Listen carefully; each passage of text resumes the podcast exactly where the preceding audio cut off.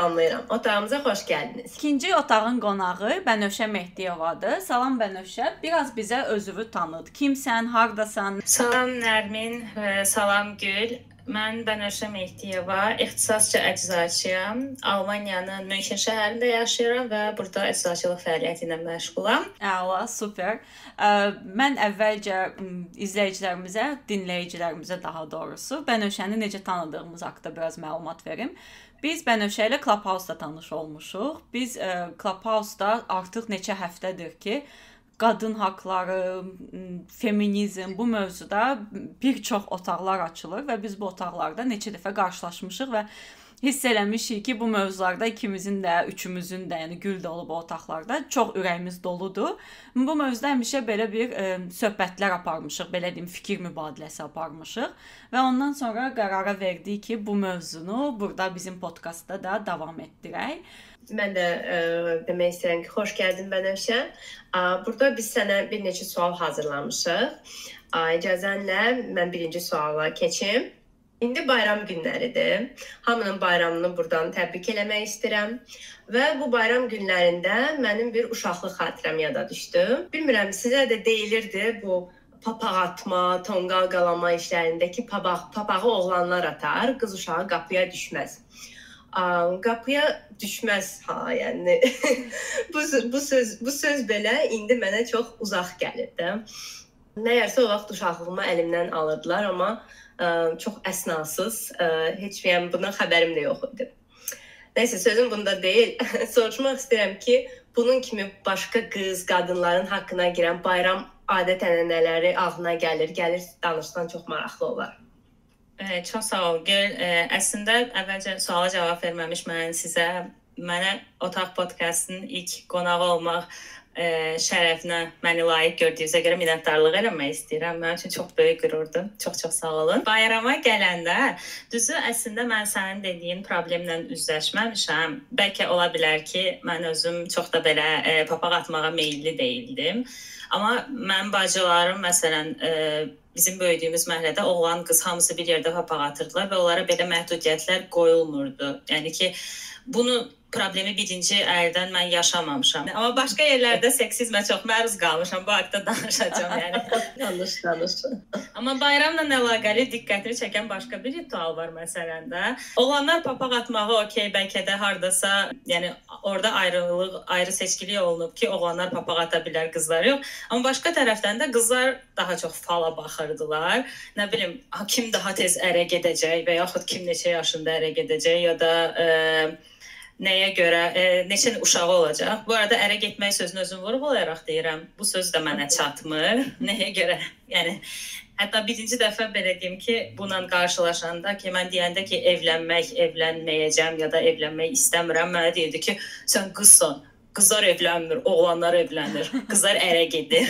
yəni yəni uşaq vaxtından məsələn bu qızların beyninə yeridilir ki, sən nə vaxtsa ərə gedəcəksən, amma sənin ən ali amalın budur da. Bizdə bir kitab var idi, xalqımızın deyimləri, duyumları deyə. Həmişə məktəbdə inşa filan yazanda Novruz bayramı haqqında oradan nəsə material götürürdük. Kitabda deməli belə bir şey, bu cümləni heç vaxt unutmuram, qeyd olunur ki, qızlar e, evlilik çağına gəlmiş qızlar bir yerə toplaşıb fala baxır. Yəni Məni məsələn daha çox bu narahat edir, nəinki e, papaq atmağa getməmək də. Yəni evlilik çağına gəlmiş qız nə deməkdir? Ya da ki, buna kim qərar verir ki, kim evlilik çağına gəlib, kim gəlməyib? Aha, Hə. yenə də hər şey evlilik, ərə getməyə gəlib çıxır. Bəli, bəli. Yəni Novruzun tək məqsədi var qızlara ərə vermək. Ə, Mən də bu haqqda biraz danışım. Yəni ilk öncə onu deyim ki, mən məsələn özüm şəxsən Novruz bayramını çox sevirəm. Məncə folklorumuzdur da Novruz bayramı. Amma əlbəttə ki, bütün ə, gözəl şeylərin hansısa mənfi tərəfləri haqqında danışmaq normaldır. Yəni bizə qulaq asanlar düşünməsin ki, biz burada Novruza qarşı anti bir bir propaganda aparırıq. Novruz mənim də ən sevimli bayramımdır. Hətta belə deyim də özümə ən yaxın hiss elədiyim bayramdır. Yəni mən heç bir bayramı qeyd eləməsəm də Novruzu hardasa heç olmasa aş bişirməlidir ki, o hissiyat olsun ki, evdəyəm və bahar Ay, gəlir. Yəni çox üzr qəribə- istəyirəm, neqativ danışdımsa. Yo yo yo, elə biz üçümüz üçün də, yəni hamının adından danışmaq istəyirəm ki, yəni bizim o uşaqlıqla bağlı çox şirin xatirələrimiz, yəqin ki, Novruz bayramı ilə o tonqaldan atlamaq, ə, papaq atmaq. Məsələn, ə, biz qızlar, oğlanlı bir yerdə tonqaldan da atlanırdıq, papaq da atırdıq. Yəni Yəni bu şeylərdə məsələn mən seksizmlə qarşılaşmamışam. Amma ə, həmin o fallara bax baxılmaq məsələsi çox yaxşı yadımdadır.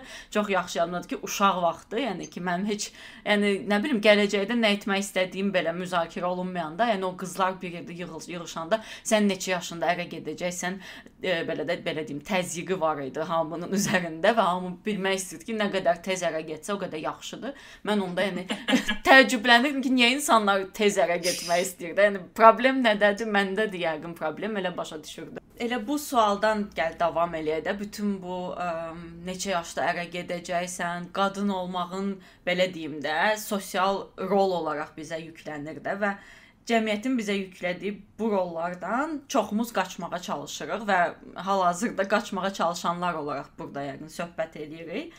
Amma bəzi qadınlar da var ki, bu rollara qayda qanunu ilə, bütün adət-ənənəsi ilə uymağa çalışır və bu rolları belə mükəmməl oynamağa çalışır da və bəlkə özləri də bunun fərqində belə deyil. Məsələn, sən o qadınlara nə demək istəyərdin? Əslində bunu düz qeyd elədin. Yəni mən də bu ə, həmin cəmiyyətin mənə yüklədiyi vəzifədən, o roldan qaçmağa çalışıram. Düzdür, nə qədər çətin olsa da. Yəni yaxında 30 yaşım olacaq. Təsəvvür elə ki, hər gün artıq eşitməyə başlamışam ki, ailə lazımdır, uşaq lazımdır. Yaşın keçir axı. Sonra doğa bilməyəcəksən. Nə bilim, niyə evlənmirsən? Hətta bir dəfə bir, yəni mənə çox yaxın bir adam, ə, qadın özü evlidir və iki uşağı var. Mənə dedi ki, e, sən dedi saçını uzatsan, biraz qız kimi olsan, oğlan taparsan. E? Yəni yəni insanlar qəbul eləmək istəmirlər ki, mənim təkliyim mənim öz seçimim ola bilər də. Bu yoxluq deyil də. Bunu insanlar niyə başa düşmək istəmir bilmirəm. Yəni hamı evlənməli, hamı kimlənsə birlikdə olmaq məcburiyyətində deyil. Yəni biz birinci bunu başa düşmürük. Hətta bir dəfə mənim bir iş yoldaşım olduqca kifayət qədər mütərəqqi olduğuna inandığım bir iş yoldaşım mənə dedi ki, e, sən nə vaxt evlənmək istəyirsən yanasa? Mən dedim ki, bəs evlənməyə fikirləşmirəm də, belə niyyətim yoxdur hələ. Mənə dedi ki, e, dedim ki, başqa planlarım var. Adam mənə güldü, yəni gözümün içinə baxa-baxa güldü. Dedi, necə qəribədir. İlk dəfə eşidirəm ki, bir qız desin ki, mənim başqa planlarım var. Fikirləşirəm ki, bildiyimiz yol həmişə ən rahat, ən asan, yəni ən qısa yoldur. Amma o çətin və keşməkeşli yollar əslində daha maraqlı olur. Orada daha çox macəra gəlir başına, daha çox təcrübə qazanırsan. Ona görə mən bütün qadınlarımıza arzu eləyirəm ki, əvvəlcə özlərini sevsinlər. Çünki biz kifayət qədər güclü varlıqlarıq. Bizim e, genetikamız əslində çox güclü iradəyə, dözümlülüyə kodlanıb. Yəni qol gücü hesabına gözümüzün qorxudulmasına icazə verməyimiz hardasa məni çox narahat eləyir. Yəni bu məni ən çox həzm edə bilmədiyim şeydir də. Bir dənə çox sevdiyim hekayə var. E, deyir ki, sirklarda filləri tərbiyə eləmək üçün, onlar qaçmasınlar deyə, uşaq vaxtı, yəni onlar balaca olanda kötüyə bağlayırlar həmin fili. Fil nə qədər dartıb zəncirini qırmaq istəsə də, çıxarda bilmir də, yəni qaça bilmir. Sonra hansısa nöqtədə o filin e, həmin zənciri qırma hissi, onu e, qırmağa çalışma cəhdi qırılır və o sınır və məğlubiyyətini qəbul eləyir. Ondan sonra isə o filin kifayət qədər gücü olur həmin zənciri kötükdən qopartmağa. Lakin heç vaxt ona cəsarət eləmədiyinə görə bunu heç vaxt bilmir. Həmin bizim cəmiyyətimizdə qadınları biraz buna oxşadıram. Biz çox uşaq vaxtda e, mübarizə ruhumuz sındırıldığına görə sonra artıq buna heç vaxt cəhd eləmirik. Məncə xırda-xırda addımlarla ən azından başlayıb cəhd eləmək lazımdır. Ən azından özümüz üçün vəziyyəti asanlaşdırmaq üçün. Yəni nəticədə e, boyun əymək, qəbullanmaq bəlkə də asandır, amma onun nəticələri çox ağırdır deyə düşünürəm. Çox maraqlı bir nümunə üzərindən ə, e, danışdın, anlattın. Biz ə, otağın birinci buraxılışında da bu qadının azad olması, sərbəst olması haqqında danışmışdıq. Və mənə sənin fikrin maraqlıdır. Azadlıq və sərbəstlik nədir? Bunlar bir-birindən nə qədər ə, fərq, nə fərqli sözlərdir? Azadlıq və sərbəstlik ə, və Azərbaycandakı bu azad qadın obrazı dediyimiz obraz nədir? Nə istəyir? Və azad qadın əgər keçid dövründən keçirsə, hansı çətinliklərlə üzləşir hal-hazırda günümüzdə? Əslində mən fikirləşirəm ki, sərbəstlik və azadlıq kifayət qədər bir-birindən ayrı anlayışlardır. bilmirəm, hər halda biz bəzən qarışdırıb hər ikisinə azadlıq deyə bilirik. Fikirləşirəm ki, sərbəstlik insanın heç kəsdən asılı olmadan nə isə eləyə bilməsidir. Azadlıq isə biraz daha geniş mənada başa düşülməlidir mənim fikrimcə. Yəni heç bir qayda, qanun və yaxud da məhdudiyyətin olmaması. Yəni e, hər hər hansı bir şəxs istəsə əgər, e, yəni sərbəst olması heç kəsdən asılı olmaması deməkdir. Amma eyni zamanda da o şəxs e, azadlığını qurban vermədən könüllü olaraq kimdənsə asılı olmağı seçə bilər. Və hansısa səviyyədə, hansısa bir an fikrini dəyişə bilər ki, mən artıq sərbəst olmaq istəyirəm və həmin azadlığından istifadə edərək sərbəst ola bilər. Yəni bir növ mən fikirləşirəm ki, sərbəstlik əslində özünü ifadə etmə bacarığıdır Azadlıq isə həmin bacarığı sərgiləmək üçün maneələrin olmamasıdır. Misal deyəcəm. Hı -hı. Məsələn, pul qazanmağımızı, qazanacağını ya da qazanmağımızı biliriksə, biz sərbəstik. Amma o pulu nəyə xərcləmək istədiyimizə özümüz qərar veririksə, onda azadıq artıq. Aha. O ki qaldı azad qadına. Mən hələ düşünmürəm ki, Azərbaycanda, yəni azad qadın keçid dövründədir. Bunu belə düşünmürəm. Məncə biz hələ çox geridəyik ümumiyyətlə qadın azadlığı anlayışında. Fikirləşirəm ki, azad qadın nədir sualına necə cavab verə bilərəm. Mənim üçün vacib olan punktlar ən azından deyə bilərəm ki, öz qərarlarını özü alacaq qədər təhsilli, sərbəst, yəni iqtisadi cəhətdən, iqtisadi və mənəvi cəhətdən heç kəsdən asılı olmayan cəmiyyətin qəlibləşmiş bütün qanunlarını qıra biləcək qədər cəsarətli olan, öz fikirlərini qorxmadan dilə gətirə bilən, bu məncə çox vacib faktordur, hətta ən vacib faktordur. Sonra ə, qurulmuş məcburi evliliklərdən imtina edəcək qədər cəsur, başqa insanların nə düşündüyünə əhəmiyyət verə e, verməyəcək qədər güclü olan. Yəni ən azından öz həyatında kimisə ona bələdçilik eləsin deyə kiməsə ehtiyac duymayan qadın azad qadındır. Mən fikirləşirəm ki, bir nəfər səs çıxardanda ona əxlaqsız damğası vurulur və bu qədər də asandır, yəni kimisə gözdən çıxarmaq da. Yəni sən Aha indiyə qədər olan bu sistemə qarşısansa, demək sənin özünün hansısa marağın var burada. Yəni sən cəmiyyətin rifahını istəyə bilməzsən də, sənin özünün şəxsi maraqların var. Ona görə sən əxlaqsızsan və sən bunu təbliğ eləməyə çalışırsan. Yəni bu bizdə damğadır və bu bizdə çox rahatlıqla istənilən insanın üzərinə atıla biləcəyi bir damğadır. Yəni Əgər özümü azad qadın adlandıra bilərəmsə, mənim arzuladığım odur ki, hər qız özü ilə bağlı qərarları özü versin. Nəinki qıza, hətta bütün oğlanlar da, yəni bizim cəmiyyətin əslində ən təməl problemi odur ki, biz övlad olaraq öz sözümüzü demək haqqına sahib deyilik. Yəni mənim arzum odur ki, biz cəmiyyətdə bir fərd olaraq öz qərarlarımızı özümüz verək. Kimlə evlənəcəyimizi özümüz seçək, hara necə geyinəcəyimizi özümüz qərar verək, saçımızı necə rəngləyəcəyimizi özümüz qərar verək. Yəni bunlar çox bəsit görünür, amma çox bəsit olan şeylər əslində bizdə məhduddur. Bir də bilirsən nə maraqlıdır? Məsələn, o gözləyirlər ki, "A, sən nə istə eləmək istədiyi və eləyəcəksənsə əxlaqsız olacaqsan" gözləyir. Deməli, siz öz qız uşaqlarınıza, öz övladlarınızın içində, kökündə bir əxlaqsız olduğunu düşünürsüz və siz düşünürsüz ki, mən onu məhdudiyyətləşdirməliyəm ki, o gedib fahişə olmasın. Sizin deməli dərrakənizdə problem var da. Siz niyə gözləyirsiniz ki, hər nə istədiyini eləmək istəyən adam ancaq seks istəyəcək də? Yəni ki, məsələ seksdə deyil də. O, onu niyə bu dərəcədə düz baxırlar və bu dərəcədə ə, yəni ki, öz uşaqlarına bu dərəcədə güvənmirlər, nə bilim cəmiyyətə bu dərəcədə güvənmirlərsə, deməli doğrudan problem onların dərrakəsindədir. Bu il 8 mart yürüşündə çox xoşuma gəldi. Bir dənə plakat var idi. Tam dəqiq yadımda deyil. Yəni söz və söz deməyəcəm, amma ə, məğzi belə idi ki, azad qadın deməkdən qorxdular, əxlaqsız dedilər. Çox xoşuma gəldi. Yəni məncə bu sual ətrafındakı ə, fikirlərimizi yaxşıca belə ə, qısaca ə, toparlayan bir fikirdir. Okay, ə, gəl onda biraz da sənin peşən haqqında danışaq. Ə, deməli sən əczaçısan. Biz bu haqqda biraz araşdırma elədik podkastda hazırlaşanda ə, və burdakı rəqəmlərə baxdım. Mənə maraqlı idi ki, əczacılıqda gender balansı necədir və e, inanılmaz maraqlı şeylər gördüm ki, məsələn 60-cı illərə qədər Amerikada sadəcə 8% qadın əczaçı imiş. Bu gün isə e, bu gün 60%-ə yaxındır e, qadın əczaçıların e, sayı və getdikcə rəqəmlər onu göstərir ki, qadın əczaçıların sayı artacaq.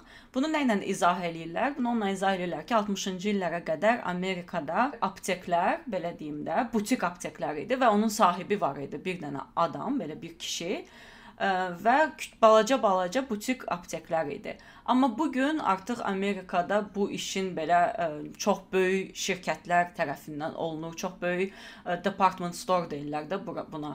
Məsələn, supermarket kimi bir yerdir burada artıq apteklər. Sən oradan həm şampun da ala bilərsən, ərzaq da ala bilərsən, dərman da ala bilərsən və böyük department storelarda olur deyə artıq orada işçi sayı da artıb və qadın işçilərin sayı artıb.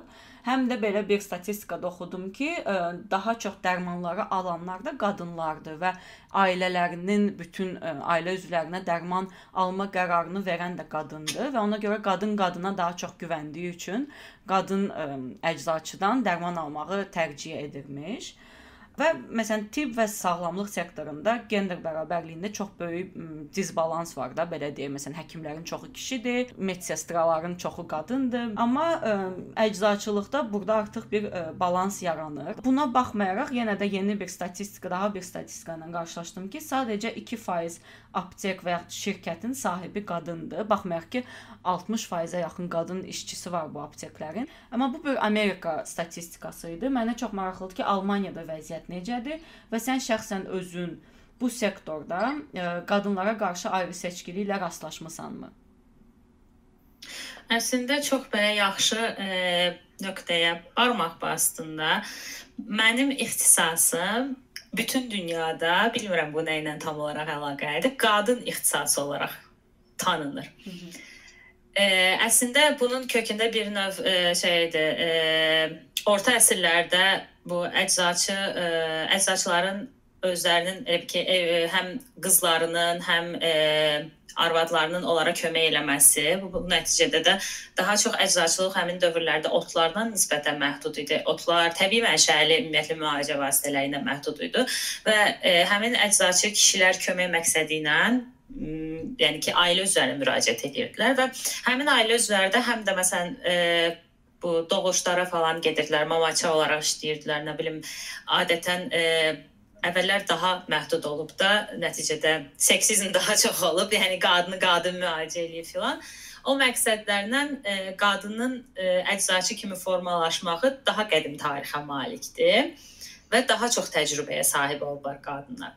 Amma rəsmi təhsil almaq, akademik təhsil almaq çox gecikib. Nə qədər baxmayaraq ki, orta əsrlərdə başlayıblar bu ixtisasla məşğul olmağa, ən azından Almaniyanın özündə 1890-cı ilə qədər qadınlar əczaçılıq təhsili ala bilməyib. Və mən əslində bununla əlaqəli baxdım. Amerikada da çox düzdür, Amerikada ilk qadın əczaçı 1600-1700-cü illərdə olub, amma yenə də nə qədər olsa da nisbətdə sayca çox az olublar. Yəni bu tarixi inkişafdan əlavə bu güvən məsələsindən başqa e, nəyə görə hazırda da akademik səviyyədə qadınlar kişilərdən geri qalırlar? Bunun əslində çox bəsit bir səbəbi var. Ailə və uşaqdır baxmayaraq ki, Almaniya, Amerika indi bizim ölkəyə nisbətən çox daha çox inkişaf ediblər, yenə də qadının e, ilkin vəzifəsi ailəsinin qayğısına qalmaq hesab olunur. Bu bizim artıq genetikamıza belə kodlanıb. Yəni həm özümüz bunu belə istəyirik, həm də bizdən bu gözlənir cəmiyyətdə. Ona görə də e, təhsil alan qadınların sayı çox olsa da, təhsilin səviyyəsi və yaş e, artdıkca həmin qadınların sayı azalır. Yəni statistikaya görə universitet müəllimlərindən 5 nəfərdən biri qadındır. Universitet rəhbərlərindən, yəni dekan, rektor filan 10 nəfərdən biri qadındır. Halbuki gənc, yəni nəsil universiteti bitirən nəsil hardasa 60% qadınlar daha çox nəinki kişilər. Bir də həmin o ə, e, gender ə, e, problemi ondan ibarətdir ki, qadınlar part-time, yəni yarım gün işləyirlər, amma kişilər bütöv e, ştat işləyirlər. Bilmirəm necə deməli olduğumu. Yəni full time kişilər işləyir, qadınlar isə part time işləyə bilər. Ona görə də istər-istəməz həm gəlirdə qadınların faizi düşür aşağı, həm də e, ümumi pozisiyalarda, yəni e, aparıcı mövqelərdə onların sayı azalır. Amma bununla bağlı pozitiv şeylər demək istəyirəm. Yenə də əczaçılıqla bağlı xoş xoşbəxt hiss elədiyim nöqtələrdən biri. Deməli 2017-ci ildə Amerikada Pharmacist Moms deyə e, bir e, qrup yaradılıb. Facebook qrupu olaraq başlayan həmin qrup artıq çox inkişaf edib və artıq bir cəmiyyətə çevriliblər. Və burada ana əczaçılar, yəni uşağı olan əczaçılar birləşib daha çox iş imkanları bir-birini dəstəkləyərək daha çox bir-birinə iş imkanları tanıyıblar. Çünki ana olmağın iki e, belə deyim də fərqli xüsusiyyəti var. Bir tərəfi odur ki, sən özün seçim eləyirsən ki, sən anasan, uşaqlarına daha çox vaxt ayırasan, daha az işləyəsən. Amma bunun mənfi tərəfi isə odur ki, digər tərəfdən iş sahibləri də istəmirlər analara iş vermək. Yəni harsa öz seçimi olan insanlara ə, başa düşmək olur, bunu qəbul eləmək olur, amma öz seçimi olmasa belə uşağı var deyə kimsə diskriminasiya da olunur. Və buna mübarizə aparmağa çalışırıq əslində.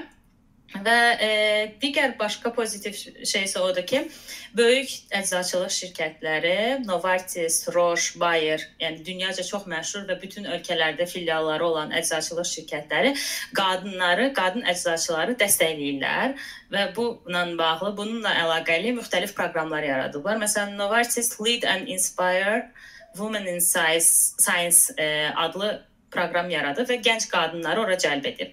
Əslində Novartisin əməkdaşlarının 69%-i qadındır, lakin aparıcı mövqelərdə, yüksək e, pozisiyalarda qadınlar çox azdır. Hardasa 30%dir.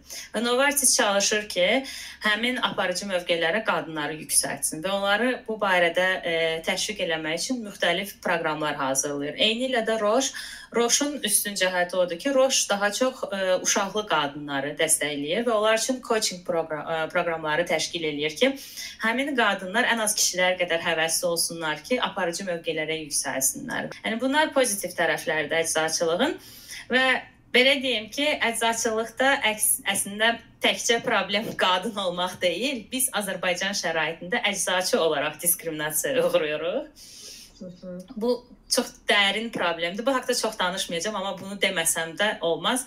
Çünki universitetə qəbul olanda bizə ayrı seçkilik yaranır. Yəni ki, siz həkim ola bilməmiş insanlarsınız ki, əczaçı olursunuz. Halbuki həkim və əczaçı çox fərqli ixtisaslardır və əslində bir-birini tamamlayan ixtisaslardır. Yəni əvvəllər ikisi bir yerdə olub və inkişaf etdikcə elm, tibb inkişaf etdikcə ayrılmaq məcburiyyətində qalıblar. Əslində onlar birlikdə, yəni e, bərabər işləməlidirlər. Halbuki bizdə əksinədir. Həkim əczaçı yuxarıdan aşağı baxır ki, sən onsuz bir şey bacarmırsan da.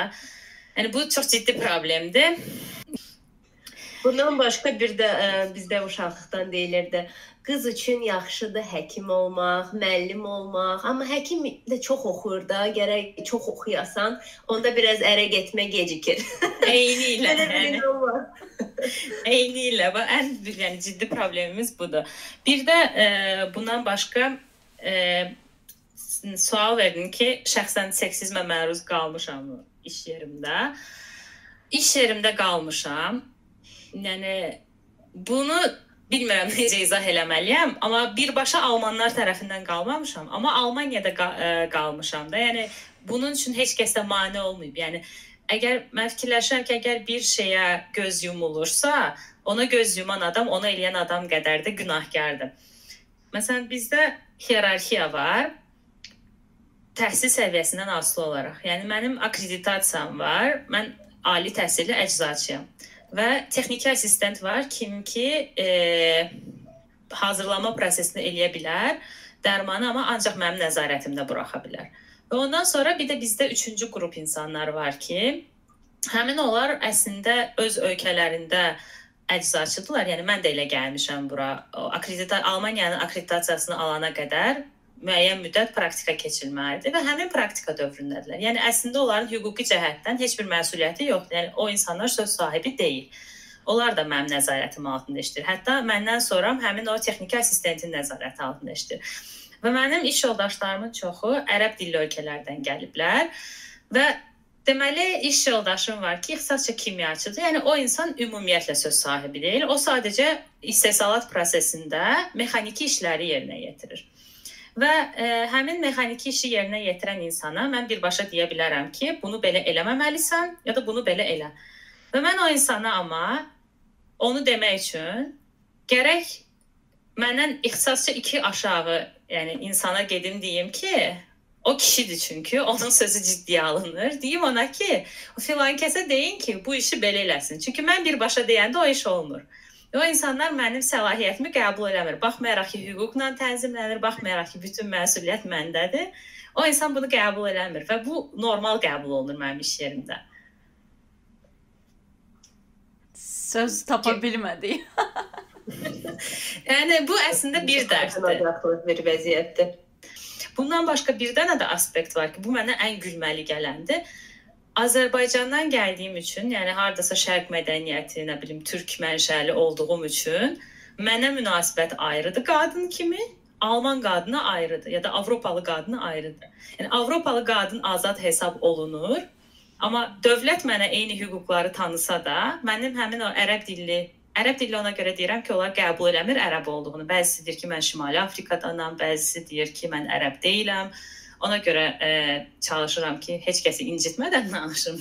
Yəni həmin o ərəb dilli iş yoldaşım o Avropalı qadına hörmət edir. Çünki o azadlığını artıq əl əldə eləyib də, onun azadlığı artıq təsdiqlənib, ona şübhə eləyə bilməz. Amma mənim azadlığım hələ də sual altındadır. Çünki mənim gəldiyim ölkə hardasa şərq mədəniyyətinə daha yaxındır, hardasa e, daha müsəlman e, təbəqə daha çoxdur bizim ölkədə. Ona görə mən eyni haqqlara sahib ola bilmərəm. Çox-çox maraqlı mövzuya toxundun. Mənim də bir şey ağlıma gəldi bu nöqtədə. Eyni şeyi sən deyəndə ağlıma gəldi ki, mən də burada yaşamışam Azərbaycanlı olduğum üçün ya da sən dediyin kimi müsəlman ölkədən gəldiyim üçün o ə, nöqtədə mənə bir belə seksizmdə belə deyim. Məsələn, mən bir neçə dəfə həkimə gedəndə belə ə, ümumiyyətlə də kontrola və mənim həkimlərim məsələn həmişə Amerikalı ya da Avropa mənşəli fərqi yoxdur da, yəni ki, çoxu heç biri müsəlman olmayıb belə deyim. Və orada mənə tutaq ki, suallar verilir də, tutaq ki, nə bilim, içirsiniz, çəkirsiniz filan belə ə, suallar və mən orada məndən iç içirsin, alkoqol içirsinizmi soruşanda mən demişdim ki, hə içirəm.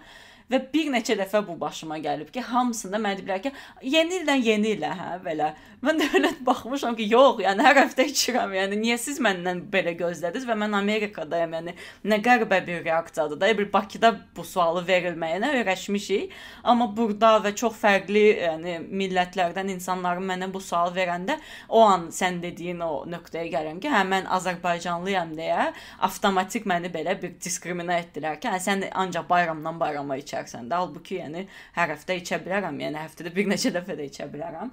Amma bu bu nöqtədə əslində bunu danışmağın çox yaxşı oldu. Çünki belə bir ə, bizə qarşı əslində Clubhouse-da da belə bir mühakimə var ki, hə siz danışırsınız, siz xaricdəsiniz, danışırsınız Azərbaycanda seksizm var, ayrı seçkilik var. Yəni yox, biz əslində bu nümunələrlə göstərir ki, dünyanın hər yerində əslində seksizm problemləri var, dünyanın hər yerində qadınlara qarşı ayrı seçkilik var və bu davam edən bir problemdir deyə biz bu bu mövzunu bu qədər işıqlandırmağa çalışırıq və bizim burada məqsədimiz o deyil ki, baxın Avropada ya da Amerikada hər şey yaxşıdır, Azərbaycan pis gündədir, nə gündəsiniz və yaxud bununla belə də Azərbaycanı heç bir şəkildə aşağılamaq deyil də məqsədimiz. Biz səni podkastda çağıranda sən qeyd etdin ki, süd vəzi xərçəngi haqqında danışmaq istəyərdin. Buyur danış, çox maraqlıdır fikirlərin. Ə, əslində belə bir imkan yaratdığınız üçün təşəkkür edirəm. Yəni ə, sizin qadınlara yönəlmiş belə bir podkast hazırlayıb və burada mənim bunu dilə gətirmə imkanım olduğu üçün xoşbəxt hiss edirəm. Süd vəzi xərçəngi bütün dünyanın ən ağır bəlalarından biridir. Xüsusilə də Azərbaycanda ə, heç yan keçilməyəcək bir problemdir. Statistikaya görə bütün dünyada hər 8 qadından biri ömründə heç olmasa bir dəfə süd vəzi xərçənginə tutulur. Kişilər üçün isə bu statistika hər 800 kişidən biridir. Ümumilikdə e, bütün xər, e, süd vəzi xərçəngindən əziyyət çəkən xəstələr arasında kişilər sadəcə 1% təşkil edirlər. Azərbaycanda isə ümumiyyətlə sıralamada birinci yerdə ən çox süd vəzi xərçəngindən əziyyət çəkən insanlardır. Ölüm sayına görə isə 3-cü yerdədir. Yəni bu kifayət qədər çətin e, vəziyyətdir. Bizim cəmiyyətin problemi isə qadınlarımızın bu haqqda daha az maariflənmiş olmağıdır. Ümumiyyətlə bu haqqda daha az sosial e, layihələrin olmasıdır. Ona görə də mən əslində istəyirəm ki, bu haqqda biraz e, nə edə biləcəyimizi deyim. Ümumiyyətlə 30 yaşını keçmiş hər bir qadın heç olmasa ildə bir dəfə olmaq şərti ilə müayinədən keçməlidir, həkim müayinəsindən keçməlidir. Genetikasında, yəni ailəsində, ailə e, tarixində bu xəstəlikdən əziyyət çəkən insanlar olan qadınlar isə ən gec 25 yaşında başlanmalıdır bu müayinələrə. Yaxşı olar ki, həmin xəstəlikdən əziyyət çəkən insanların yaşına əsasən daha daha erkən yaşda bundan əziyyət çəkən insanlar varsa, daha erkən yaşda müayinələrə başlansın. Belə, bir statistika var ki, təqribən 100 xəstədən 70-80 nəfəri ilkin xəstəlik zamanı lakin sağala bilər. Yəni ona görə nə qədər tez belə deyim də tapılsa, nə qədər tez e, diaqnoz qoyulsa ki, xərçəng süd vəzi xərçənginə yoluxub xəstə, o qədər daha çox yaşama şansı var. Bir də burada başqa bir problem var ki, 50 yaş üzəri qadınlarda risk daha çoxdur. Ona görə də 50 yaş üzəri qadınlar hardasa ildə bir dəfə və yaxud da 2 e, ildə bir dəfə mammoqrafiya eləməlidirlər. Mammoqrafiya özü də xəstəliyə səbəb ola bilər deyə tez-tez təkrarlanmağı tövsiyə olunmur. Amma bu haqqda biraz e, insanların araşdırmasını tövsiyə edə bilərəm. Əsas məni narahat eləyən şey e, bir miflərdir. Ümumiyyətlə bu haqqda yaranmış el arasında dolanan miflər ki, inanılır ki, nə bilim idmanla məşğul olan zaman, hansısa zərbə aldıqda və yaxud da qapıya dəyən zaman, əgər insanın döşünə sərt zərbə gəlibsə, onda süd vəzi xərçəngi yarana bilər. Bu doğru deyil. Ən azından heç bir elmi tədqiqatla sübut oluna bilmir belə bir şey. Sonra e, tərdən e, qorumaq üçün istifadə olunan deodorantlar xüsusilə də alüminium tərkibli. Buna da düşüncə var ki, bu da süd xər vəzi xərçənginə səbəb ola bilər. Bu da doğru deyil. Düzdür? Daha yaxşı olar ki, alüminiumsuz deodorantlar istifadə olunsun. Amma birbaşa süd vəzi xərçənginə səbəb olmur. Sonra belə bir düşüncə var ki, kimin ki döşləri daha böyükdür, onlarda daha böyük risk var. Bu nisbətən doğru hesab oluna bilən bir mifdir. Bir də hə, telefon şüaları. Yəni ki, telefon şüalanmasına məruz qalanda sanki insanlar xərçəng olur düşüncəsi. Bu da yanlışdır. Necə yanlışdır? Birbaşa ə, e, təsir yoxdur. Çünki rentgen şüaları kimi deyil elektromaqnit şüaları. Ona görə də onlar hüceyrənin genotipində heç bir dəyişiklik eləmirlər. Amma dolayı yolla bunun xərçəngə səbəb olub olmaması hələ ki 100% sübut oluna bilməyib və inkar olunmağı üçün də çox kifayət qədər böyük faktlar var. Lakin 100% inkar olunmadığına görə də mən deyə bilmərəm ki, heç bir şişə dolayı yolla da olsa təsir eləmir, amma ən azından süd vəzi xərçənginə telefon şüalanması təsir eləmir. Bəs nə təsir eləyir daha çox təsir edən ə, amillər nədir? Ümumiyyətlə ə, bütün xərçənglərə demək istəyirəm ki, bütün xərçənglər, yəni xərçəngdən ölüm hallarının 25-30 faizini e, siqaret çəkmək təşkil edir. Yəni siqaret çəkmək 25-30 faiz xərçəng hallarını sürətləndirir, artırır. Ümumilikdə, yəni tək süd vəzindən getmir söhbət. Yəni düzgün həyat tərzi, daha ə, e, düzgün qidalanmaq əslində xərçəngə mane ola bilər, amma bu da onun ümumiyyətlə xərçəng olmayacaq deyə bir qarantiya vermir. Bir də süd vəzi xərçəngində iki cür faktorlar var. Biri təsir eləyə biləcəyimiz faktorlardır, digəri isə bizdən asılı olmayan faktorlardır. Bizim təsir eləyə biləcəyimiz faktorlara aiddir. Birinci siqaret çəkmək. Bu Azərbaycanda çox e, ciddi problem deyil. Çünki mən e, beynəlxalq e, Ümumdünya Səhiyyə Təşkilatının paylaşdığı statistikaya baxdım. Azərbaycanda qadınlar süd vəzi xərçəngindən əziyyət çəkən qadınların e, siqaret çəkən qadınlar 1%-dən aşağıdır. Yəni bu bizim üçün ciddi səbəb olmasa da ümumilikdə bir səbəbdir. Qeyri-düzgün qidalanma və artıq çəkililik, alkoholun yüksək miqdarda istifadə olunması, süd vermə zamanı, yəni uşağı olan qadınlarda süd verdikləri zaman bunu öz qərarları ilə istəyərək daha qısa müddətdə kəsməkləri Bir də ətraf mühit amilləri. Başqa, ə, yəni çox ə, bu faktorlara əgər nəzarət olunsa, bu o demək deyil ki, amma siz heç vaxt süd vəzi xərçəngi olmayacaqsınız. Sadəcə bu faktorları olan insanlar daha diqqətli olmalıdırlar və azalda bilirlərsə də bunları azaltmalıdırlar. Təsir elə bil eləyə bilmədiyimiz faktorlar isə erkən yaşda ə, aybaşılardır. Yəni birinci ə, aybaşı olduğu zaman 13 yaşından gənc olan qadınlarda daha yüksək risk var süd vəzi xərçəngi olmağa. Sonra e, daha gec menopauzaya girən qadınlar, 52 yaşın üzərində yenə menopauzaya girən qadınlarda daha çox ehtimal var. Uşağı uşaq dünyaya gətirməmiş ya da ki ilk uşağını 30 yaşdan sonra dünyaya gətirmiş qadınlarda da risk daha digərlərinə nisbətən daha çoxdur. Yenə e, süd vermə zamanı istənməyən, yəni özündən asılı olmayan səbəblərdən e, onu dayandırmaq. Başqa yaş faktoru var. 50 yaşın üzərindəki qadınlarda gənc gənc qadınlara nisbətən daha çoxdur. Bundan başqa e, yüksək yəni kontraseptivlərlə müalicələr, yəni ki, e, hormon tərkibli, amma burada bir şey qeyd etmək istəyirəm, sintetik hormon tərkiblidən gedir söhbət. Yəni orqanizmimizə yad olan hormon tərkibli kontraseptiv vasitələr, yəni uşaq dünyaya gətirməmək üçün, qorunmaq üçün istifadə olunan hormon tərkibli tabletlərdən gedir söhbət. Tablet olmaya da bilər, e, yəni dərmanlardan gedir söhbət. Bir də e, diabet, şəkərli diabet xəstəliyi olan insanlarda risk daha çoxdur və ən son olaraq da və ən böyük faktor genetik faktordur. Əgər genetikasında kiminsə e, xərçəngə meyllilik, süd vəzi xərçənginə meyllilik varsa, o insanlar daha çox diqqətli olmalıdırlar. Bunun qarşısını almaq üçün ya da bundan yayınmaq üçün nə edə bilərlər? Dediyim kimi özlərini müayinə edə bilərlər. Özlərini müayinə etməyin də müxtəlif e, yolları var. Bu əsasən masaj e, və özünü e, iki optik və toxunma yolu ilə yoxlamaqdır. Optik yol güzgü, yaxşı işıqlandırılmış otaqda güzgü qarşısına keçib əllərini yuxarı qaldırıb hər iki e, döşlərinin o eyni səviyyədə olduğuna, rəng dəyişikliyi olub olmadığına və yaxud formalarının hansı dəyişiklik olub olmadığına baxmaqlarıdır. İkinci e, isə toxunma yolu ilə toxunaraq, yəni baxır ki, e, hansısa bir kütlə varmı və yaxud da görüntü olaraq e, qırmızı rəng ya da iltihab ya da ağrı varmı? Müxtəlif yerlərdə sərtləşmə varmı?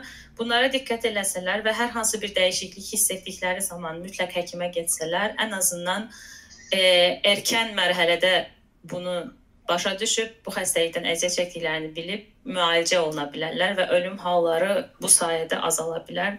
Mənə söz verdiyiniz üçün, bu haqqda danışma imkanı yaratdığınız üçün çox sağ olun. Çox maraqlı idi. Çox maraqlı idi. Mən şəxsən onu deyim ki, burada məsələn Amerikada sən ə, ginekoloqa elə belə müayinəyə gedəndə də hər il ə, həmişə o kontrolları eləyirlər, həmişə bütün testləri ə, verirsən, ə, süd vəzi xərçəngi ilə bağlı da, yəni hər il bu testləri insanlar verir. Əlbəttə həmin bu praktika Azərbaycanda da ol olsa, varsa çox yaxşı haldır, yoxdursa da olması çox önəmlidir yəqin ki. Bunu vurğulamaq istədim. Bir də sən orada ə, şeydən danışdın da, bu doğum kontrol ə, tabletlərindən danışdın. Ə, mənə çox maraqlı gəldi. Çünki bu haqqda çox düşünürəm də, bu haqqda çox oxumuşdum və araşdırmışdım bir vaxtlarında. Sənin bu sferan olduğu üçün sən lap yaxşı bilərsən mən məsələn nə oxumuşdum ki, ginekoloqlar gənc qızlara, hətta yəni ki, çox erkən yaşdan yazırlarmış doğum kontrol ə, dərmanlarını sadəcə hormonları üçün və yaxud məsələn kimsə gəlir şikayət edir ki, məsələn üzümdə akne var və yaxud səpki var, onlara o dərmanları verirlər və yaxud heç bir ə, belə də cinsi həyatı sürdürməyən qadınlara da, gənclərə də verirlər bu dərmanları. Amma bunun yəni yaxşı bir şey olmadığı haqqında ə, bir neçə şey oxumuşdum, məqalə oxumuşdum. Sən bu haqqda nə düşünürsən? Ümumiyyətlə o ə, doğum kontrol tabletləri yaxşı bir şeydirmi, lazımdırmı? Yəni necə olmalıdır bu proses? Əslində çox yaxşı sualdır bu Nərmin. Yəni mən tamamilə bu sahə üzrə ixtisaslaşmışam. Və e, belə bir məsələ var ki, kontraseptiv preparatlar əslində e, ümumiyyətlə qoruma vasitələrinin Pearl Index deyə bir indeksi var. Yəni ən təhlükəsiz, e, daha doğrusu ən e, dəqiq qorunma vasitəsi və həmin tabletlər ən yüksək qorunma reytinqinə sahibdirlər. Yəni ki, E, digər vasitələr, məsələn, e, kondom istifadəsi ondan sonra üçüncü pillə də gəlir. Hı -hı. Yəni əgər qorunmaq məqsədi ilə 100% qorunmaq təşkil olunmalıdırsa, həmin preparatlar düzgün seçimdir. Problem isə nədir? Problem birinci həmin preparatlardakı e, orada iki cür e, hormon istifadə olunur. Gestagen və estrogenin sintetik versiyaları. O bizim orqanizmimizdəki estrogenlərlə eyni quruluşa sahib deyil. Hı -hı. Ona görə də uzun müddətli istifadə zamanı bizim bir təlimçimiz var idi. O belə izah eləyirdi ki, təsəvvür eləyin sizin bir açarınız var. O sizin qıfılın açarı deyil əslində. Amma o qıfılı açır. Və siz onu dəfələrlə istifadə elədikcə əslində o qıfılı xarab eləyirsiniz. Düzdür, qıfıl açılır, amma yenə də xarab olur və bir yerdən sonra o açar, yəni heç bir açar ora düzgün girmir. Yəni qıfıl xarab olur. Biz hardasa həmin o sintetik e, estrogenlərlə bunu eləyirik. Yəni uzun müddətli istifadə zamanı orqanizmimizdəki reseptorlara uyğun olmayan e, hormonlar qəbul olunur deyə hansısa mutasiyalar baş verir və estrogen e, mənşəli xərçəng əmələ gəlir. Amma mən indi ixtisaslaşıram həmin sahə üzrə. Biz tamamilə orqanizmdəki estrogen, yəni estrogenin 3 növü var hormon olaraq: estradiol, estron və estriol. Biz tamamilə insan orqanizmindəki həmin o estradiol, estriolu istifadə eləyərək həmin o hormon e, əvəzedici hormon terapiyanı həyata keçiririk. Yəni əslində bu sahədə inkişaf var, amma hələ ki geniş yayılmayıb və bu ümid eləyirəm ki, gələcəkdə bizə də Azərbaycana da gəlib çıxacaq və bütün dünyada daha geniş tətbiq olunacaq. Yəni ki, qısa müddətli istifadədə bir ciddi ziyan yoxdur, amma uzun müddətli istifadədə xüsusilə qeyd olunur ki, doğuşdan əlavə əvvəlki 4 il müddətində əgər kontrasepsiva istifadə olunubsa, həmin qadınların riski e, süd vəzi xərçəngi olmağa daha çoxdur. Əczaçılıqda belə bir deyim var ki, əgər bir dərmanın əlavə təsiri yoxdursa, onun əsas təsirinə də inanmayın. Yəni istifadə etdiyimiz istənilən hər bir şeyin əlavə təsiri var. Sadəcə bizə hansı daha çox lazımdır? Əsas təsir nə qədər əhəmiyyətlidir, onu ölçüb yaxşı biçməliyik, ona görə qərar verməliyik. Əgər kontraseptiv vasitələr, yəni kontraseptiv preparatlar, hormonal preparatlar istifadə olunursa belə, kondom istifadə olunması tövsiyə olunandır. Çünki kontraseptiv hormonal preparatlar sizi hamilə qalmaqdan qoruyur. Lakin kondom sizi ola biləcək cinsi yolla keçən digər müxtəlif növ zöhrəvi xəstəliklərdən qoruyur. İsə burada bir sual vermək istəyirəm e, mövzu ilə əlaqəli. Sən qeyd elədin ki, bəzi kontraseptiv preparatların bəzilərində bəziləri daha güclü sayılır, bəziləri daha zəifdir. Bu çox yayılmış yasmin, Azərbaycanda yarina olaraq satılır, yarina və yaxud da bunlar haqqında nə düşünürsən? Bunlar eşitdiyimə görə güclü preparatlar sayılır. Amma mənim öz şəxsi araşdırmama görə bu preparatların riski çox azdır. Yəni güclü sayılsalar belə ona, ona baxmayaraq ə, e, riski azdır. Səndən qulaq asmaq bu haqqda çox maraqlı oldu. Ə, e, çünki çox araşdırdığım bir şeydir. Çox cavab tapmaq istədiyim bir sahədir və sənin dediklərin çox ə, e, beynimə batdı. Ə, bu haqqda da fikrini paylaşsan çox maraqlı olar. E, Yasmin və yaxud da Yarina əslində mənim ə, haqqında danışdığım həmin kontraseptiv, kontraseptiv hormonal tərkibli preparatlara aiddir. E, bayaq da qeyd etdiyim kimi, onların qoruma ehtimalı digər bütün preparatlara nəzərən daha yüksəkdir. Və əlavə təsirləri təbii ki, müqayisədə daha azdır, amma uzun müddətli istifadə zamanı e, müxtəlif fəsadlara gətirib çıxara bilər. Ona görə də ümumiyyətlə hansısa tərkibli e, kontraseptivləri istifadə edəndə yaxşı olar ki, tez-tez həkim nəzarətində olunsun, ümumilikdə hormonal səviyyə yoxlansın və dediyim kimi 30 yaşdan yuxarı qadınlar daha tez-tez ginekoloji müayinələrə getsinlər. Deməli, əslində tək problem e, süd vəzi xərçəngi deyil, ümumilikdə e, qadınlarda başqa uşaqlıq boynu xərçəngi də olur, uşaqlıq xərçəngi də ola bilər və bundan başqa tək problem də xərçəng deyil. Yəni ən axırıncı e, səviyyədə olmamalıdır problemlər. Həmin preparatların qəbulu zamanı çox erkən yaşda başlanıbsa əgər qəbuluna və uzun illər davam edirsə, qaraciyərlər qaraciyərdə şiş də əmələ gələ bilər kistlər əmələ gəlir. Yəni bunlar çox da bəd xassəli şiş olmur, amma müəyyən səviyyədə təbii ki, problem yaradır insanların sağlamlığında. Ona görə həmin preparatları qəbul edən insanlara tövsiyə edərdim ki, mütəmadi olaraq həkim nəzarətində olsunlar və ginekoloji müayinələrini gecikdirməsinlər. Bundan başqa bizim cəmiyyətdə belə bir anlayış var ki, mən bununla şəxsən qarşılaşmışam. Nə qədər mən tablet içəcəm? Mədəm deşiləcək axı. Tablet mədəni deşmir. Bir də həkimləri ilə məsləhət eləsinlər əgər e, həmin tableti alacaqsa. Məsələn, Bakıda bu da problemdir ki, gəlir apteka və istədiyini deyir ki, mənə nə bilim Diana 35 ver, mənə Yarina ver. Bu belə deyil də. Həmin hər insanın öz bədəninə uyğun yaş həddinə uyğun və yaxud da ə, e, həmin hormonal səviyyəsinə uyğun hansı preparatın ona daha yaxşı olduğunu həkimi ilə birlikdə qərar verməlidir. Bir də bundan başqa ə, e, morning pill var. İngiliscə morning pill. Azərbaycan dilində onun e, qarşılığına rast gəlməmişəm, amma mən təklif eləyə bilərəm ki, səhəri gün həbləri olsun. Əgər başqa əczaçıların təklifləri varsa, ümid edirəm e, kommentdə yazarlar, qeyd eləyərlər. E, həmin preparatlar bizim ölkədə təəssüf ki, çox sui-istifadə olunur. Yəni after pill ya da morning pill əslində e, 6 ay ərzində bir dəfə qəbul olunmalı preparatdır. Bizdə asan olduğuna görə hamı istəyir ki, tez olsun. Hətta 3 gün içində ardarda onu içən insanlar da var. Yəni bizim aptekdə işləyən müştərilərimiz var idi. Bu çox yanlış yanaşmadır və həmin bu tip qeyri-düzgün istifadə əslində insanların sağlamlığına daha çox risk yaradır, nəinki düzgün e, kontraseptivlərin istifadəsi. Ona görə də xahiş eləyirəm bütün gənc qızlarımızdan birinci prioritetləri öz sağlamlıqları olsun, sonra ə, e, digər məsələlər, sonra cəmiyyət tənqidi, sonra nə bilim ə, e, başqa problemlər olsun. Aa, çox sağ ol Bənövşə. Çox maraqlı fikirlər səsləndirdin. Bizim üçün də bir çox şey öyrəndik səndən bu gün.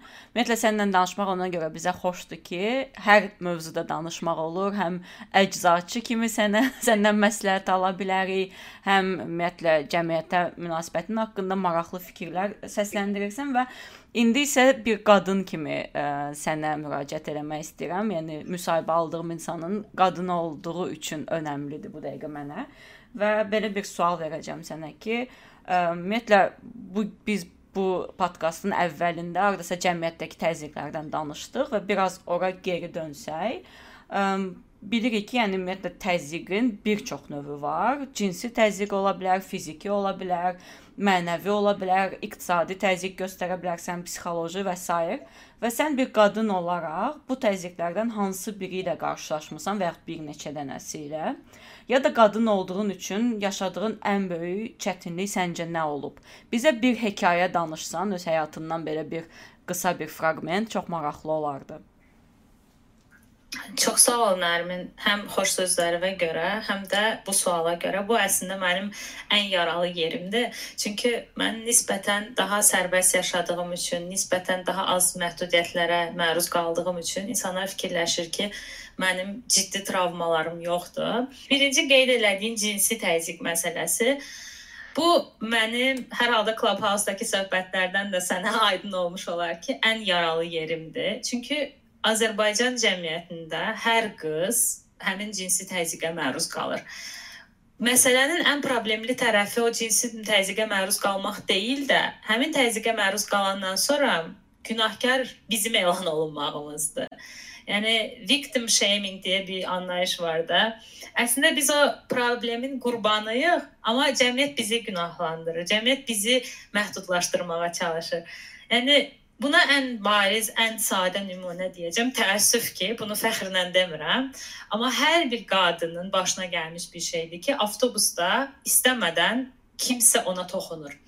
Və mən indiyə kimi xatırlayıram, heç vaxt unutmuram. Bu yəni dəfələrlə başıma gəlmiş bir şeydir. Sadəcə bunu nəyə görə məndə bu qədər ciddi e, travma yaşatdığını, yəni izi qoyduğunu bilmirəm, amma bunu heç unuda bilmirəm. Mən tibb universitetində təhsil alırdım. Bizim əslində korpusumuz Zorgi parkının yanındadır və avtobusla gənclikdən Zorgi parkının yanına gedirdim. Yəni həmin məsafəni əgər bilməyənlər varsa, deyim ki, 15 dəqiqədən çox çəkmirdi avtobusla həmin məsafə. Və ayaq üstündə dayanmışdım. Bir dənə 40-45 yaşlarında, bəlkə biraz 50-yə yaxın yaşı olardı. Bir dayday durmadan mənə toxunurdu və mən yenə deyirəm, insanlara toxunmaq deyəndə fikirləşir ki, hə kimsə kimsə qoluna dəydi, əli dəydi təsadüfən falan. Belə bir şey deyil bu. Bir qadın olaraq sən bunu hiss eləyirsən ki, həmin kişi öz cinsiyyət orqanını bilərək, istəyərək sənə toxundurur və sənin ondan qaçmağa çalışmağın ona daha çox zövq verir və bu insanı daha çox incidir. Əgər sən səs çıxardıb danışmaq istəyirsən, deyirsən ki, səni narahat eləyirlər, qışqırmaq istəyirsən, nə bilim, şikayət eləmək istəyirsən, kömək istəyirsən, orada oturan, avtobusda oturan insanlar səni elə qınayan gözlərlə baxır. Elə hətta yəni orta yaşlı, belə deyim, xalalar sənə deyirlər ki, ay qız, bəsdir, hayasızlıq eləmə. Mən xatırlayıram ki, Telesimiya mərkəzi var, həmin o yolda Gəncliklə Zorki parkının arasında. Mən o Telesimiya mərkəzinə düşüb universitetə piyada getmişdim ki, ən azından mən dərsə çatana qədər sakitləşim və həmin gün özümdən necə iyrənirdim. Mən hələ də başa düşmürəm ki, mən nəyə görə özümdən iyrənirdim. Yəni mən o hissi unuda bilmirəm. Yəni o yolu, həmin o park boyunca mən universitetə çatana qədər hiss elədiyim o özümü murdar hiss eləyirdim də, yəni çirkli hiss eləyirdim. O hissi unuda bilmirəm. Və mən əminəm ki, bunu Azərbaycanda yaşayan minlərlə, hətta milyonlarla qadın var.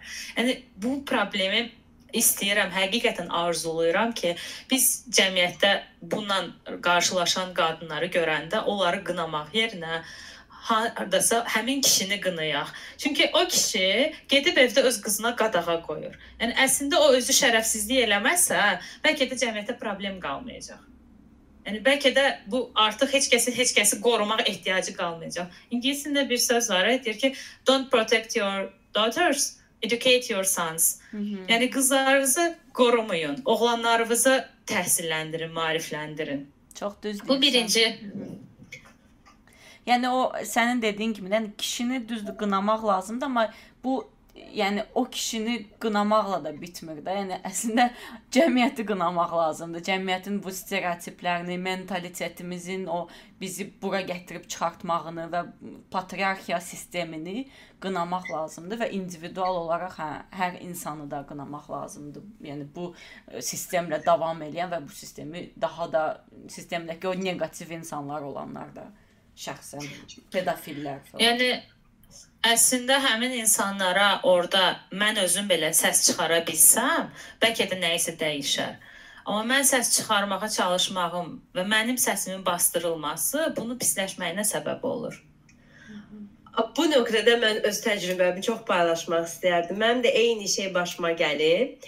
Və mən onda hardasa 16-17 yaşındaydım və həyata qarşı çox o bir söz var idi, maksimalist ə, yanaşmam var idi həyata qarşı. Və mənə belə bir e, dayday bənövşən danışdığı eyni eyni situasiya idi və eyni şey üzərində hiss eləyəndə ə, mən döndüm və özümdən asılı olmayaraq ə, kişiyə şillə vurdum. Kişiyə şillə vurdum və kişi utandı. Hər kəs mənə baxdı. Mən avtobusa kişinin mənə nə etdiyini bağıraraq dedim. Mən bunu xatırlayıram. Bu da məndə bir travma yaratmışdı. Və kişi avtobusu saxlayıb qaça-qaça düşdü avtobusdan getdi. Və o anda xatırlayıram, yəni bunu eləyə bildi və özümlə qürur duydum. Amma ürəyim necə döyünürdü və necə özümdə hiss edirdim ki, elə bir mən yüzlərlə qızın hardasa eləyə bilmədiyini mən indi elədim və onun belə şoku, onun həyəcanı, onun stressi və əs əsəb əsəb sistemim tamamilə pozulmuşdu, yəni.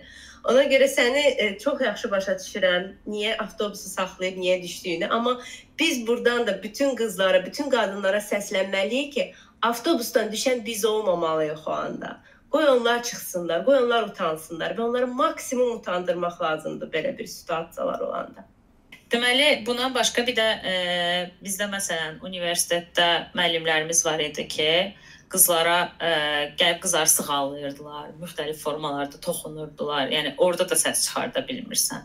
Çünki həmin müəllimin baxmayaraq ki, universitetdə hamı onu bilir ki, həmin müəllimin qızlara xüsusi marağı var, amma heç kəs buna qarşı heç nə eləmir də. Əslində inkişaf eləmiş ölkələrdə bunun üstündə həmin adam işdən qovulur, hətta akademik karyeri bitir də hansısa müəllim qıza toxunursa və yaxud da hətta bəzən olur ki, insanlar şər atırlar, onunla belə bitirdə həmin insanın karyerası. Amma bizdə təəssüf ki, Azərbaycanda elə deyil. O müəllimin reputasiyası səndən daha yüksək olduğuna görə sənin o müəllimin haqqında şikayət eləmək o vaxt düşünmürsən belə.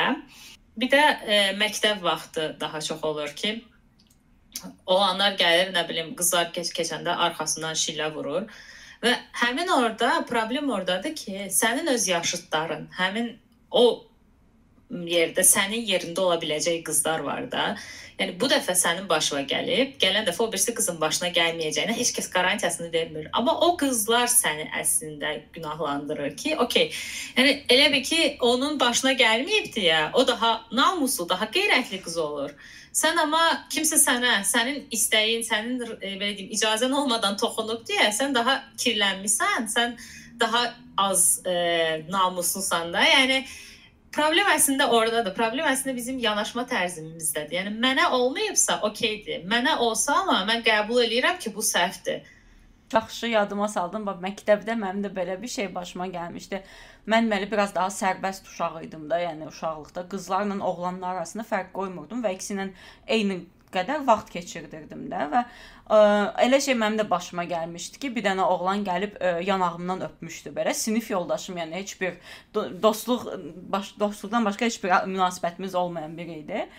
Və onda sən dediyin kimi müəllim, sinif yoldaşlarım, qızlar hamısı məndə günah görmüşdü ki, sən yüngül xarakterlisən deyə səni gəlib yanağından öpürlər. Nə oldu məni öpmürlər, səni öpürlər. Yəni sən dediyin kimi də orada yəni ki, faktiki təzyiqə məruz qalan insanı günahlandırırlar. Təzyiqi edən insanı deyil də təzyiqə məruz qalanı günahlandırırlar və həmin o Türkiyədəki o belə məşhur şey var ki, yəni qısa ətək gey geyməsəydin, başına heç nə gəlməyəcəkdi məsələn məsələsi. Yəni düşünmürlər ki, o qısa ətək geyən qıza niyə axı belə bir şey oldu da? Yəni ki, onu edən adama yox da, o edilən adama fokuslanırlar və həqiqətən də belə bir mənəviyyat bizi çox uzağa aparmayacaq. Yəni belə deyim də bizim ölkədə kişilər qadınları öldürüb namusumu təmizləmişəm deyib işin içindən çıxa bilirlər. Yəni adətən Clubhouse-da deyirlər ki, kişilər də seksizmə məruz qalır, kişilərin də başına gəlir. Mən demirəm, kişini də kimsə öldürsün desin ki, namusumu təmizləmişəm. Yox, amma bu namus sadəcə qadına aid bir şey olmamalıdır, əgər varsa. Yəni qadının ayaqlarının arasında axtarmamalıyıq da artıq bu namusu. Və məsələ ondadır ki, məni narahat edən hissəsi təkcə kişilərin bunu belə görməyi deyil. Qadınların qadınlara daha çox təzyiq göstərməyidir. Mənim universitet vaxtı belə başıma bir hadisə gəlmişdi. Bu da travmalarını, üzr istəyirəm, universitet yox, məktəbin son ilində, bizim son zəngimiz vaxtı bizim məktəbi daha əvvəl bizim məktəbi bitirmiş bir oğlan, e, deməli biz son zəngdən gəzməyə gedirdik və həmin formanı çıxartmaq üçün mən rəfiqəm ilə getmişdim. Məktəblə arasında 5 dəqiqə məsafə yox idi onların evlərinin. Və biz e, paltarlarımızı dəyişib təzə məktəbə gələndə bu oğlan gəlir mənim yanıma. Mənə deyir ki, "Bir dəqiqə dayan, sənə söz demək istəyirəm." Və mənim bəxtim onda gətirir ki, mən çox iti gəzən bir insanam. Bəxtim onda gətirir ki, mən o bir dəqiqəni dayanmıram. Sən demə, həmin qaqaş arxadan maşınla gəlirmiş, kimsə maşınla gəlirmiş və məqsəd orada oymuş ki, məni həmin maşına qoyub aparsınlar, yəni məni qaçırtsınlar. Və mənim məktəbin tinini dönməyim sadəcə 1 dəqiqə həmin o 1 dəqiqədə bitdi də hər şey. Və mənim bundan çox sonra xəbərim oldu. Biz həmin son zəngin e, bitəndən sonra mənim rəfiqəm danışdı və buna da kömək edən həmin rəfiqəmin bacısı olmuşdu filan. Və mən şokdaydım. Yəni mən aylarla özümə gələ bilmirdim, təsəvvür eləyə bilmirdim ki, yəni, təsəvvür elə mənim xəyallarım var, mənim arzularım var. Mən heç bilmirəm ki, məsələn, həmin oğlan məni qaçırtmış olsaydı, bilmirəm ki, mənim ailəm necə reaksiya verəcəkdi. Yəni bunu inanmaq istəmirəm ki, onlar deyəcəkdi ki, hə, okey də get evlən, ondan xoşbəxt yaşa. Buna inanmaq istəmirəm, amma bunu yaşamadan da 100% bilə bilmərəm ki, necə olacaqdı və həmin o mənə o qədər şok yaratmışdı ki, uzun müddət biz məktəb bitəndən sonra hələ də hazırlığa gedirdik. Mən tək gedə bilmirdim heç yerə. Yəni mənim azad tək gəzmək hüququmu əlimdən alınmışdı da belə deyim. Və təəssüf ki, bunu mən sadəcə təsəvvür eləyirəm, amma bunu həqiqətən yaşayan insanlar var. Yəni buna məruz qalan qadınlar var və bu məni çox incidir əslində. Yəni həmin qadınların heç bir köməyinin olmaması məni çox incidir. Dəhşətli dərəcədə qorxudur. Aa, yəni bu gün bizim hamımızın belə eyni dili danışmağımızın səbəbi də odur ki, hər birimiz eyni travmalar yaşamışıq. Demək olar ki, təxminən eyni illərdə fərqli məktəblərdə çox fərqli insanlarla, amma necəsə olub ki, deməli ki, hər birimiz eyni travmalar keçmişik və əgər bizə burada qulaq asan 1, 5, 10 oğlan kişi varsa, sadəcə təsəvvür eləsinlər də ki, bu travma nə deməkdir ki, 16 yaşında sən düşünürsən ki, məni qaçırda bilərlər və sən artıq yəni bütün addımlarını ona uyğun olaraq ə, qurmağa çalışırsan və və nə dərəcədə həyatını məhv edəcək qərarlar verə bilərsən də elə bir situasiyada. Yəni sən öz həyatına görə qorxursan deyə sabah çox dəxilsiz biri sənə elçi gələ bilər və sən tək ki sən yəni qaçırdılmayasan, tək ki sən yəni o qorxudan qaçmaq üçün başqa heç sevmədiyin insanla evlənən qızlar var. Nə bilim evdə atasının təzyiqindən qurtulmaq üçün ə, evlənən qızlar var. Yəni o, o dərəcədə ə, tra tragediyadır da qadınların yaşadığı şeylər ki. Yəni kaş ki doğrudan kişilər sadəcə bir dəqiqə oturub bu empatiyanı qursunlar ki, həmin o yaşlarda bunu hiss etsəydilər, nə edərdilər də? Yəni sadəcə həyatları necə dəyişərdi və hansı travmalarla həyatda qalmağa çalışardılar və hansı travmalarla sadəcə var olardılar da. Yəni çox istəyirəm ki, sadəcə 5 dəqiqə bu haqqda düşünülsün. Hə, Bənövşə, bu yerdə mən sənə belə bir sual vermək istirdim. İndi bilirik sən, mən, Nərmin üçümüz də ə, feminist ruhluyuq da, fem, feminist olaraq böyümüşük bir yaşdan sonra. Ə, mənə maraqlı olan odur ki, biz də biz özümüz də çox böyük haqsızlıqlarla o qarşılaşmışıq ə, gəncliyimizdə. Ona baxmayaraq sonradan ə, haqlarımızı tələb eləmə gücü gəlib bizə, imkanı gəlib. Ə, nədən asılıdır səncə? Nə fikirləşirsən? Ə, yəni bəzi insanlarda, bəzi ə, e, qadınlarda, qızlarda ə, e, məsələn bu üsyan işlərində oyanmır. Eyni haqsızlıqla qarşılaşsalar belə. Səncə biz bunu nəyə borcluyuq? Ə, əslində bu çox belə möhtəşəm nöqtə oldu da. Mən qeyd etmək istəyirəm ki, buradan sizin vasitənizlə, yəni mən valideynlərimə həqiqətən təşəkkür eləyirəm ki, mənə hardasa e, məni sərbəst ruhda böyüdüblər və öz azadlığımı əldə etməyimə şərait yaradıblar. Mən düşünürəm ki, əgər uşaq vaxtından mən də digər qadınlar kimi ailədən başlasaydı mənə təzyiqlər, mən bilmirəm ki, hardasa haqqımı tələb eləyərdimmi ya da e, nə bilim azad qadın olmağa çalışardımı? Yəni öyrəndiyim şey bu olmadığına görə uşaq vaxtında heç bir ailədə ən azından seksizmə məruz qalmadığıma görə, yəni cəmiyyətə çıxanda ilk dəfə ciddi mənada e, seksist münasibətə universitet təhsili zamanı rastlaşmışam, qa, qa, e, qarşılaşmışam da. Ona görə məsələn ora qədər hər nə qədərin bayaq saydığım cəmiyyət təzyiqləri falan onlar ayrı, amma qadın olduğuma görə təzyiqə məruz qaldığım hissini ilk dəfə universitetdə yaşamışam da. Və Ona görə də bəlkə mənim üçün qəbul olunmazdı ki, uşaq vaxtında tanış olmayan bir şeydir bu. Mən bu ruhda böyüməmişəm və birdən-birə kimsə məni hansısa çərçivəyə salmağa çalışıb. Bəlkə də ona görə etiraz eləməyə başlayıram. Bir də mənim ən çətin, ən böyük problemim ya da məni ən çox narahat edən şey mən əslində öz başıma gələn şeylər üçün çox da danışmıram. Yəni mən öz başıma gələn şeylər üçün etirazımı fərqli formada edirəm. Amma mən ən çox haqqını tapdalandığına inandığım qadınları müdafiə etməyə çalışıram. Onu bilmirəm ki, yəni o qadınlar özləri buna boyun əyir əslində razılaşır və hardasa qol qanadını sınır belə yanıva düşür ki, mən sənin üçün əziyyət çəkirəm ki, sən öz haqqını, öz azadlığını əldə edəsən və sən buna boyun əyirsən və ən çox incidən tərəf əslində budur. Yəni mən həzm edə bilmirəm bunu. Ona görə fikirləşirəm ki, burdan səslənə bilirəmsə, əgər bizi dinləyən insanlar varsa, yəni bizim dinləyən insanlara nəsə ifadə edə bilirəmsə, mən çox istəyərdim ki, ailələr öz qızlarına daha çox sərbəstlik versinlər. Onların özlərini həyatda tapmaqlarına şərait yaratsınlar. Yəni insanın səhv eləmək ən böyük lüksu olmalıdır məncə. Əgər kimsə səhv eləmirsə, o nəsə də öyrənmir. Ona görə də icazə verin ki, qızlarınız, hətta oğlanlarınız da daha çox səhv eləsinlər və siz o səhvlərdə həmişə onların yanında olun ki, başları sıxışanda, çətinlik hiss eləyəndə müraciət edə biləcəyi ailələri olsun. Mən də biraz sənin fikirləri və ə, fikir bildirmək istərdim. Həm də Gülün sualına qayıtmaq istərdim. O dediyin o məsələdə ki, o qızlara ki biz kömək olmaq istəyirik hardasa, yəni başqa dünyalar da var, başqa horizontlar da var da, yəni başqa üfüqlər də var, göstərməyə çalışırıq. Əslində mən niyə o qızlarla biraz daha belə empatiya qurmağa çalışıram, başa düşürəm ki, mən özüm çox imtiyazlı hiss eləyirəm də, özümü çox belə privilegiyalı da belə deyim, privileged hiss eləyirəm ki, Ona görə də mən başa düşürəm ki, mənim baxdığım yerdən onun baxdığı yer eyni yer deyil də. Yəni düzdür, yəni Gül vurğuladığı kimi bizim də uşaqlıqdan sarı seçkiliklərlə qarşılaşmışıq, amma bu daha çox evdə, məsələn, bizim ailədə bir diskurs yox idi da ki, bütün ailə üzvləri o diskursa ə, belə də tabe olsun.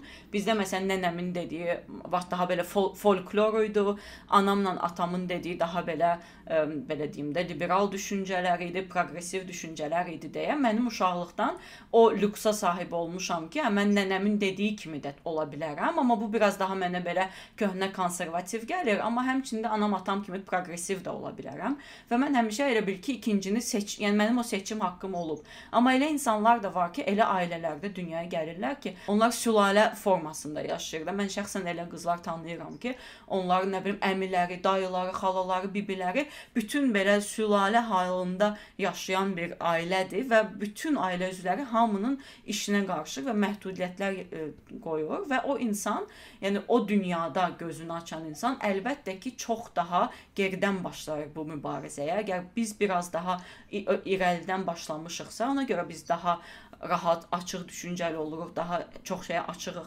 Amma o insanlar çox aşağıdan başlayır deyə onlara onların da gözünü bəlkə biz aça bilərik də. Yəni ki, o evdə onu görmürsə, heç olmasa ə, görə bilər ki, hə bax başqa cür yaşayıb və həyatını nə bilim ə, çox belə dibdə bitirməyən, tam tərsi uğurlu ola bilən, nə bilim ağıllı ola bilən və yaxud da ki, həyatında bir şeylərə nail olmağı bacaran insanlar da var və belə nümunələrlə, məsələn, bu gün bizim qonağımız olan Bənövşə kimi insanların nümunəsi ilə bəlkə hardasa başqa bir diskursu onlar da görmüş olar da. Yəni ailədən, qıraqdan başqa bir diskurs görmüş ola bilərlər. Bu çox bu çox önəmlidir.